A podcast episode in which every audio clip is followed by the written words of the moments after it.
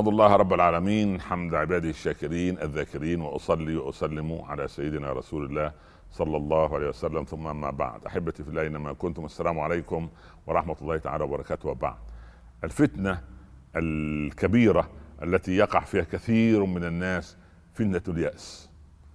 أن يكون الإنسان يائسا بائسا ليس عنده أمل ليس عنده تفاؤل. والإسلام لا يعرف لا التشاؤم ولا اليأس. ما فيش حاجة اسمها يأس. المؤمن دائما مستبشرا بما عند الله عز وجل يقطع الأسباب ويفعلها ويترجمها إلى عمل هذا هو المؤمن الحقيقي.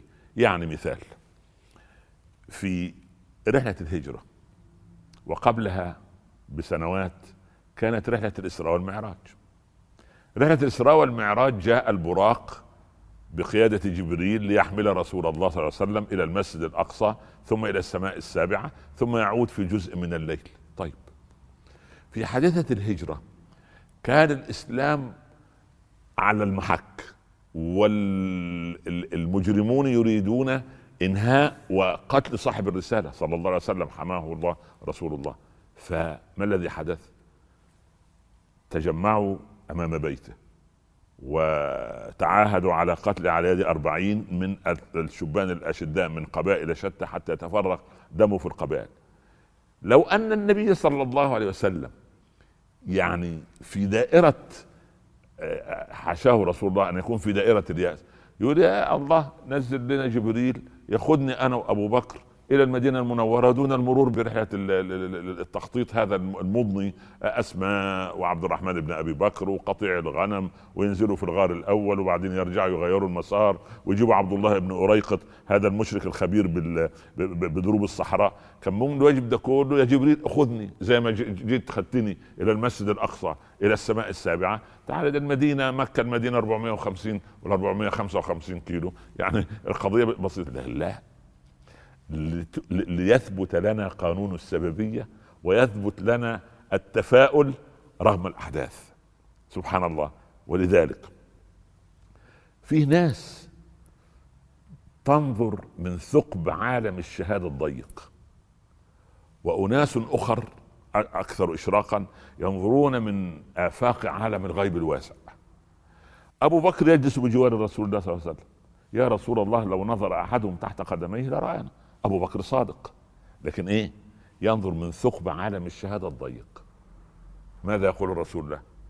إلا تنصروه فقد نصره الله. إذ أخرجه الذين كفروا ثاني اثنين إذ هما في الغار إذ يقول لصاحبه لا تحزن إن الله معنا. فده إيه؟ آفاق عالم الغيب. من الذي ينتصر؟ الذي ينظر إلى آفاق عالم الغيب الواسع. إن الله معنا. طيب. الله لا تدركه الأبصار وهو يدرك الأبصار وهو اللطيف الخبير. فمن صفات الله أنه لا يرى. وإن الله معنا نحن الآن في معية الله. ومن كان في معية الله في هذا الوقت فلن يرى. وتراهم ينظرون إليك وهم لا يبصرون. ما هو لو نظر أحدهم. سبحان الله. لكن في معية الله صار القوم لا يرون. ليه؟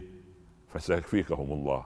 وهو السميع العليم. فاغشيناهم فهم لا يبصرون. فعندئذ الرسول لم يعرف اليأس قلبه أن يتطرق إليه ابدا ذرة من ذرات اليأس أو ذرة من ذرات الشك. ولذلك لما اشيع في أحد أن الرسول قد قتل قالوا طيب وعلى ما نجاهد؟ خلاص يعني فجلسوا وتركوا السلاح. قالوا لما جلستم هكذا؟ قالوا أن الرسول قد قتل. قال يعني موتوا على ما مات عليه رسول الله. فاستشرت فيهم الحميه وقاموا للدفاع عن الإسلام مرة أخرى. اليأس يقتل أحيانا بصاحبه. مش أحيانا غالبا يقتل في ناس عايشة في الحياة يائسة بائسة. وبعدين لما تقول له كيف الحال يا فلان؟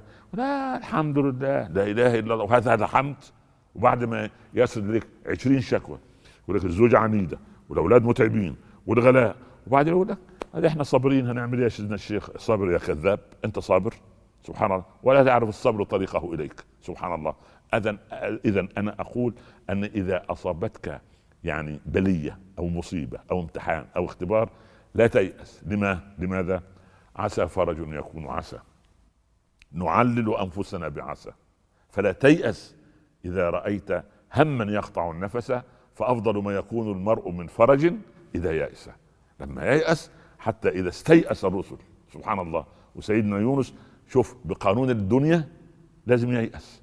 ظلمة الليل ظلمة البحر ظلمة بطن الحوت. بالله عليك حد دخل بطن حوت قبل ذلك وخرج؟ ابدا بقانون الدنيا يجب أن ييأس. لكن لا. لا إله إلا أنت سبحانك. إني كنت من فاستجبنا له. الله. استجبنا. ونجيناه من الغم. وبعدين صارت قضية عامة وكذلك ننجي. مش مش يعني يونس فقط الذي يلجأ إلى الله لحظات أن يشعر أن اليأس يريد أن يهاجمه يجب أن يطرق باب الأمل. والله عز وجل ما أوجد للإنسان محنة إلا وفي بطن هذه المحنة منحة. أنا أرى دائما أن المحن دائما حامل في الشهر التاسع في منح. أي محنة في حالة حمل في الشهر التاسع بس إيه؟ الفرج يأتي متى؟ الفرج يأتي لما يتم الجنين حمله. لو الجنين نزل قبل الوقت ينزل مبتسر أو ميت لكن الجنين اللي هو الابتلاء لازم يتم.